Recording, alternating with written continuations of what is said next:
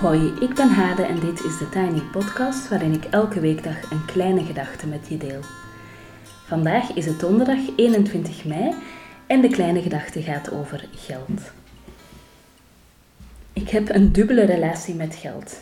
Nou ja, dubbel suggereert een dualiteit, maar het is eerder een complexiteit met heel veel lagen. Ik probeer een paar van die laagjes af te pellen voor deze podcast. De eerste laag is dat geld me wezenlijk weinig interesseert. En daarmee bedoel ik dat het geen doel van me is. Ik streef het hebben van geld niet na en ik kan niet iets doen waar ik geen interesse in heb omwille van het geld. Want dat wringt en dan stop ik ermee, want het is de strijd met mezelf niet waard. En dan bedoel ik echt als ik iets moet doen waarvan ik denk dat ik er niet echt kan achterstaan en het enkel doe voor, om de huur te betalen, dan wordt dat een soort van eindeloze strijd met mezelf om het dan gedaan te krijgen. En dat heb ik, ja, die ervaring heb ik natuurlijk wel een paar keer gehad in mijn leven. Ehm, en ik merk dat dat voor mij gewoon niet werkt en dat dat mij erg uitput. Anderzijds heb ik een soort angst om geld, om te weinig te hebben. Toen ik alleenstaande ouder was, en daar heb ik dinsdag in de podcast ook iets over verteld, waren er weken dat ik nog 5,27 euro op mijn rekening had staan om de week door te komen tot mijn volgende loon kwam. Met een gevulde koelkast is dat geen echte ramp, maar, maar ik herinner me dat het me toch een enorm gevoel van onveiligheid kon geven. En schaamte, dat ook. In die periode werd ik wel eens uitgenodigd, maar had ik geen geld om en een attentie mee te nemen en een oppas te betalen. Dus zei ik heel vaak dat ik niet kon komen. Of dat ik al andere plannen had in plaats van te zeggen wat er echt aan de hand was. Je kan je natuurlijk afvragen of je altijd moet vertellen wat er echt aan de hand is, maar als ik erop terugkijk, op mijzelf van die aantal jaren geleden, toen ik alleen was en het best moeilijk had, dan voel ik wel een soort van mededogen voor mezelf en vind ik ook dat ik me niet zo had moeten schamen voor het niet hebben van geld, terwijl ik daar wel enorme issues mee had. En ik voelde me echt heel vaak heel mislukt, omdat ik eigenlijk net wel of net niet rondkwam. Uh, terwijl het natuurlijk in een maatschappij die op twee verdieners gericht is, um, moeilijk is om als mama met één loon um, je gezin zeg maar, te onderhouden. Nog een laagje. Geld betekent veiligheid en zekerheid voor mij. Geen status of wat dan ook, maar weten dat er geld op mijn rekening staat voelt voor mij relaxed. En dan, ja, dan is de hoeveelheid maakt mij echt niet zoveel uit, maar ik ontleen daar dus wel een gevoel van ontspanning aan. En ik pel er nog een laagje af. Ik ben heel slecht in het hebben van geld. Dat betekent niet dat ik het over de balk gooi, maar ik ben er door allerlei situaties de laatste jaren niet in geslaagd een buffer op te bouwen. Of bij momenten had ik een buffer en verdween die ook weer. Bijvoorbeeld tijdens het alleenstaande ouderen was het gewoon geen optie om geld opzij te zetten. Toen leefde ik echt ja, gewoon van wat ik had en uh, had ik daar vaak ook nog tekort bij. Um, ik heb na de geboorte van de tweeling een periode onbetaald ouderschapsverlof genomen. Ik heb mijn vaste baan met vast inkomen opgegeven en heb me in een onzeker uh, bestaan als zelfstandige gestort. Waar ik natuurlijk heel veel investeringen moest doen, zoals een kantoor huren, Um, de waarborg betalen, allerlei spullen kopen die ik vroeger van de baas had. Uh, en dat gaat dan om een computer, om inrichting, om een bureaustoel, om um, een telefoon, een abonnement, uh, enzovoort, enzovoort. Maar ook, ik heb uh, in het eerste jaar, of ja, ik ben nog niet eens een jaar bezig, maar in de eerste periode dat ik zelfstandige was, heb ik ook een aantal opleidingen gedaan die ik al heel lang wou doen. Zoals uh, een opleiding in Deep Democracy, transactionele analyse. Ik heb ook een opleiding gevolgd om podcasts uh, te maken. Uh, en dat kost natuurlijk ook best veel geld. En dat heb ik toen dat heb ik gewoon wel gezien als een investering in het kunnen starten als zelfstandige. Maar die hele rare levensloop van mij maakt dat ik nog steeds van maand tot maand voorthobbel en dat het echt een probleem is als een opdrachtgever niet betaalt. En ik wil zo graag uit die situatie in het van maand of uit de situatie van het van maand tot maand hobbelen. Om het gevoel te hebben dat ik mezelf bijvoorbeeld wat tijd en wat rust mag gunnen. Want zolang ik geen buffer heb, heb ik het gevoel dat ik eigenlijk heel erg moet doorwerken en ja zeggen tegen veel dingen. Om uiteindelijk die buffer maar op te bouwen. En om een of andere rare reden gebeurt er ook elke keer iets. Weet je, dan heb ik eindelijk wat extra en dan komt er een, een uh, aanslag van de belastingen of uh, dat soort dingetjes. Dus um, ik lijk er niet heel goed in te zijn in geld hebben. De voorbije weken, de voorbije tijd, heb ik onevenredig hard gewerkt. Echt zot hard. En ook, ik ben nog nooit zo, zo gelukkig creatief bezig geweest. Dus hard werken is niet per se een, uh, iets negatiefs. Het was gewoon echt heerlijk. En deze week keek ik op mijn rekening en ik dacht, shit, ik kan mijzelf geen loon uitbetalen op het einde van deze maand. Dus toen ben ik even gaan uh, kijken wat er aan de hand was en toen bleek dat drie opdrachtgevers mij niet hebben betaald. En dan ging het over zelfs één factuur die sinds januari al open stond en eentje sinds maart. Dus het ligt niet helemaal aan mij, maar het is wel een vrij oncomfortabel gevoel. Gisteren had ik een gesprek met Merel. En Merel is de vrouw van de Groene Meisjes. En ik heb haar eigenlijk onder de arm genomen om mij te adviseren over hoe ik beter zichtbaar kan zijn op social media. En de juiste dingen kan doen om mijn aanbod van online cursussen uit te zetten. Wat ik echt super tof vond, was dat Merel door mijn materiaal heen ging. Dus mijn Instagram en mijn website. En dat ze mij een soort van feedback gaf op wat er al was. En dat ze mij dan ook tips gaf om dingen te verbeteren of toe te voegen of uh, bepaalde dingen anders aan te pakken. Dus er zijn een heleboel slimme dingen. Ik heb echt bladzijden volgeschreven met allemaal ideeën die ze had en tips. Maar wat ze ook zei, was dat ik belachelijk weinig geld vraag voor wat ik aanbied. En voor degenen die mijn aanbod niet kennen, ik bied cursussen aan waarmee je op een leuke en creatieve manier kan bezig zijn met je persoonlijke ontwikkeling. Dat vond ze trouwens een heel mooi unique selling point, want persoonlijke ontwikkeling is vaak receptief, bijvoorbeeld een boek lezen, terwijl mijn cursussen zo opgebouwd zijn dat je door een combinatie van online opdrachten, creatief schrijven, reflectie en online gesprekken in een clubje stappen gaat zetten en meteen ook resultaten kan zien in je dagelijks leven. Anyway, ze vond mijn prijzen heel laag. Ze zei voor de prijs van anderhalf um, uh, zelfhulpboek dat je ongelezen in de kast zou zetten, koop je bij jou al een cursus. En ik besefte dat ik inderdaad heel matig ben in, het, ja, in mijn prijsbepaling en dat ik het heel moeilijk vind daar een realistischer, uh, realistischere prijzen uh, van te maken die voor de uren die ik in zo'n cursus stop, die mij ook ja, eigenlijk de ruimte gunnen om die tijd erin te stoppen en om daar goed uh, mee bezig te zijn. En ik investeer die tijd sowieso natuurlijk. En tegelijkertijd dacht ik dus ook, toen we het daarover hadden gisteren, uh, dat ik het heel leuk zou vinden om zoveel relax relaxter bezig te kunnen zijn met wat ik het liefste doe. Namelijk die cursussen, die clubjes faciliteren, contact hebben met mijn cursisten, deze podcast maken, vind ik ook echt super leuk. En het zou heel relaxed zijn als ik gewoon financieel de ruimte had om dit te doen, zonder dat ik daarnaast nog allerlei andere opdrachten moet aannemen om bijvoorbeeld de huur te kunnen betalen of om, zoals in dit geval, op het einde van de rit dan, ehm, of op het einde van de maand dan te ontdekken dat ik mezelf geen loon kan uitbetalen. Geld vragen voor iets vind ik misschien echt het moeilijkste als zelfstandige en ik snijd mezelf daar ook echt constant in de vingers.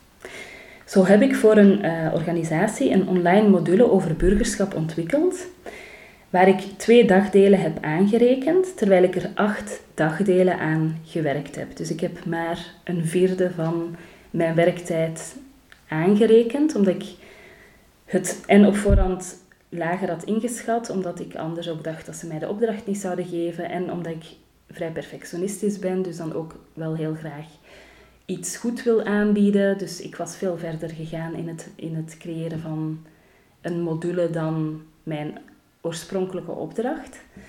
Ehm, en dan wil ik ook betrouwbaar zijn. Dus ik heb op voorhand gezegd dat ik twee dagdelen zou aanrekenen, wat neerkomt op acht uur werk. Dus ik reken dan acht uur werk aan in plaats van wat het mij echt heeft gekost, namelijk het uh, vierdubbele. En dan nog, dus dan zit ik die factuur te maken en dan nog vind ik het doodeng om die, die factuur te sturen. Terwijl ik weet dat ik een kwalitatieve, prima module heb ontwikkeld waarmee ze beleid kunnen maken en de praktijk kunnen vormgeven rond burgerschap. Toen ik zelf een cursus startte als cursusleider in Hart, dat is het cultureel centrum in Haarlem, werd er door een deelnemer ook vragen gesteld bij de prijs die ik vroeg. En die was namelijk 550 euro voor 12 avonden van 3 uur. En ik vond dat heel lastig om daar toen een vraag over te krijgen. Um, ik voelde mij meteen schuldig, alsof ik um, ja, te veel had gevraagd of uh, mij moest verdedigen. Want het lijkt inderdaad veel, 550 euro voor 12 avonden. Um, maar soms denk ik dat mensen ook niet echt een beeld hebben van wat er aan de achterkant zit uh, aan kosten als je zo'n cursus organiseert. Bijvoorbeeld, voor elke avond dat ik cursus geef op een locatie betaal ik huur. En dat is per avond tussen de 40 en de 80 euro. Uh, afhankelijk van waar de cursus doorgaat. Voor een reeks van 12 lessen is dat dus tussen de 480 en de 960 euro. Wat betekent dat je al bijna twee deelnemers nodig hebt om gewoon al je locatie te dekken. Daarnaast voorzie ik materiaal, dus ik heb uh, op mijn cursussen heel veel creatief materiaal bij waar mensen mee kunnen werken aan hun opdrachten. En ja, als ik zo kijk wat die voorraad materiaal mij gekost heeft uh, overheen de tijd, dat is natuurlijk ook best een flink bedrag.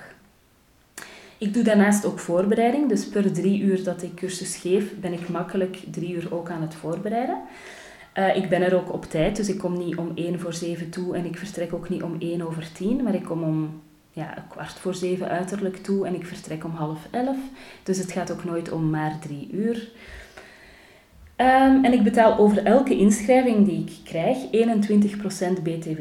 En als ik alles uitreken, en ik zou bijvoorbeeld acht deelnemers hebben die allemaal 550 euro betalen, dan kom ik ongeveer aan 30 à 40 euro bruto per uur dat ik aan die cursus aan het werken ben. En daar moet ik dan ook nog een deel van aan de belastingen um, betalen. En dat is niet, ja, ik, ik denk dat dat uurloon niet gek veel is. Hè, vooral wetende dat uh, zo'n cursus, dat je dat ook maar een paar keer, ja, één of twee keer per jaar kan doen. Maar ik denk ook, of ik weet ook wel dat dat hele plaatje zelden zichtbaar is voor een buitenstaander of een klant. Uh, en zeker voor een niet-zelfstandige die misschien ook niet weet dat je de BTW die je heft, die 21%, dat je die gewoon um, eigenlijk bijna letterlijk moet doorsluizen naar de Belastingsdienst. Dus um, dat is niet per jaar, maar dat gaat ook per drie maanden dat je dan een bedrag aan de Belastingsdienst moet betalen. Dus ik wil daar ook niet over klagen, alleen, dus, ja, dus dat is niet de intentie om te klagen, maar wel om een soort van perspectief te verbreden, om, ja, om een beetje zo het realistische plaatje uh, te schetsen. Van waarom een prijs van een cursus bijvoorbeeld is wat die is. Anyway, eerder deze week had ik ook een gesprek met een kunstenares over geld vragen voor je diensten en samen kwamen we op een heel aantal, of op een paar eigenlijk, alternatieve betalingsmethoden die soms heel fijn kunnen aanvoelen. En ik ga daar even uh, drie dingetjes uit uh, meegeven ter inspiratie. Um, zo is er het In Natura lijstje. En uh, dat is ook een idee dat ik had gehoord van een vrouw die vrouwencirkels organiseerde. Um, en de basis van een vrouwencirkel is vaak gelijkwaardigheid. Dus iemand hoedt die cirkel en de andere ja, zijn deelnemers, maar je hebt wel een gelijkwaardigheid met elkaar, wat het ook moeilijk maakt om geld te vragen voor een vrouwencirkel. Um, omdat dat dan die gelijkwaardigheid misschien verstoort. Um, maar anderzijds moet er ook een locatie zijn. Iemand moet ook wel initiatieven nemen. Dus er zit wel, weet je, er zit ook wel een organisatorische kant aan. En een oplossing die dan um, kan gekozen worden, is dat de vrouw die de cirkel hoedt, of ja, om te even in welke situatie, dat je een in natura lijstje maakt. En dat is een soort van verlanglijstje, bijvoorbeeld boeken die je nog eens zou willen um, ja, zo'n beetje dingen waarvan jij zou genieten als je ze krijgt. Hè. Een leuk paar schoenen waar je al lang um, zin in hebt om die te kopen. een mooi boek, uh, een bon voor de sauna of voor een massage, whatever. Gewoon zo leuke, lieve dingen. En dat dat lijstje gewoon bestaat. En als een vrouw uit die cirkel of uit een andere context natuurlijk, als die denkt van goh, ik wil heel graag iets terugdoen, dan kan dat in Natura-lijstje in alle vrijheid een, uh, een beetje een richtlijn geven of een beetje een idee aanbieden van wat je dan kan doen om iemand um, ja, iets terug te geven. Daarnaast is er natuurlijk ook de wederdienst. En um, je hebt ook allerlei van die systemen. Let's bijvoorbeeld had je vroeger in België. Ik weet ook niet of dat nog bestaat. Dat was een heel systeem waarbij een soort van munten of punten kon verzamelen door diensten te doen. En die kon je dan weer, of ja, bijvoorbeeld iets lenen of bijvoorbeeld iets doen. Je kon bijvoorbeeld, stel je voor dat ik de strijk van de buren zou doen, dan zou ik misschien vijf punten verdienen. Dat zou dan vasthangen. Uh, en die vijf punten zou ik dan weer kunnen inzetten om um, iemand uit de andere kant van het dorp voor mij mijn gras te laten maaien. Dus het idee was dat je een soort van diensten hebt en dat er een soort van wisselwerking is, zonder dat het per se een dienst en een wederdienst moet zijn. Dus het is niet per se zo dat degene die de dienst heeft geleverd ook de wederdienst dan moet doen. Maar dat, ja, daar zijn gewoon heel leuke systemen voor om dat te laten circuleren. En wat ik ook een heel leuk idee vond van die kunstenares, was dat je een basisprijs berekent. Hè. Bijvoorbeeld voor zo'n cursus zou je dat kunnen zeggen van uh, de basisprijs. En dan geef je ook inzicht, hè, de huur kost mij zoveel, de btw kost mij zoveel enzovoort. Uh, de basisprijs is zoveel en mensen kunnen daarnaast nog betalen wat ze jouw product waard vinden. Um, dus dan heb je een prijs die bestaat uit de basis en um, een vrij gedeelte. En eigenlijk geven dat soort ideeën geeft me heel veel zin om daarmee te gaan experimenteren. Maar ik besef ook dat wat Merel in ons gesprek zei, dat dat ook heel waar is en dat ik ook dapperder moet worden omtrent het financiële stuk van mijn organisatie en dat ik ook echt moet durven vragen wat iets waard is. En ook een van mijn cursisten coacht mij daar heel erg in door mij daar ook wat tips in te geven, dus dat waardeer ik ook heel erg. Ik ben heel benieuwd hoe dat is voor jullie luisteraars of voor uh, andere ondernemers die dit horen. Dus uh, altijd leuk als je iets in de comments achterlaat. En tot zover voor vandaag. Uh, je kan me volgen op Instagram, TheTinyPodcast. En je helpt me door deze podcast wat sterretjes te geven op iTunes, een review achter te laten en of hem door te sturen aan iemand anders die er misschien graag naar luistert. Uh, misschien is dit mijn Natura-lijstje, dat je mij misschien helpt om de podcast bijvoorbeeld wat uh, bekender te maken. Dat is een beetje een grapje, maar altijd welkom daartoe. Um, en wat ik nog even wil vertellen is dat er op 1 juni twee cursussen starten. Um, de ene cursus is de 30 Days of Morning Pages, gaat over 30 dagen intuïtief schrijven. En de andere gaat over het onderzoeken van welke vrouwen in jouw leven invloed hebben gehad op jou. Um, en die cursus heet De Vrouwen van je leven, of van jouw leven. En die geef ik samen met Tamara Leenaerts. En ik zet in de show notes de linkjes naar beide cursussen. Um, dus als je zin hebt om een cursus mee te doen, um, vind ik dat ontzettend fijn en ben je van harte welkom. Dan wens ik je voor nu een fijne dag en morgen is er de laatste Tiny Podcast van deze week. Dag!